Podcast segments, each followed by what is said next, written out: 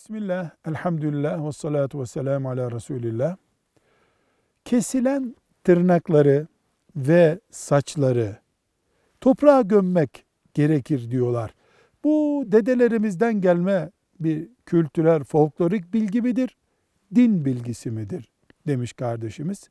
Cevap olarak diyoruz ki, saçların ve tırnakların gömülmesini tavsiye eden hadis kitaplarında bilgiler var ama bunlar sahih bilgiler değil.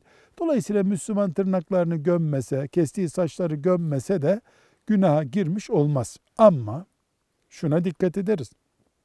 Tırnak ve saç gibi tiksindirici şeyi ulu orta bırakmamak mümkünse çöpe müsait bir yere koymak. Yani başkalarının tiksinmesine, mikrobik bir e, soruna neden olmaya karşı hassas oluruz.